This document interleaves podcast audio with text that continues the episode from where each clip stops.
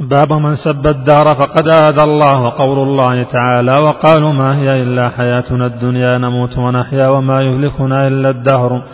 وما لهم بذلك من علم إنهم إلا يظنون وفي الصحيح عن أبي هريرة رضي الله عنه عن النبي صلى الله عليه وسلم قال قال الله تعالى يؤذيني ابن آدم يسب الدهر وأنا الدهر أقلب الليل والنهار وفي رواية لا تسبوا الدار فإن الله هو الدار فيه مسائل الأولى النهي عن سب الدهر الثانية تسميته أذى لله الثالثة التأمل في قوله فإن الله هو الدار الرابعة أنه قد يكون سابا ولو لم يقصده بقلبه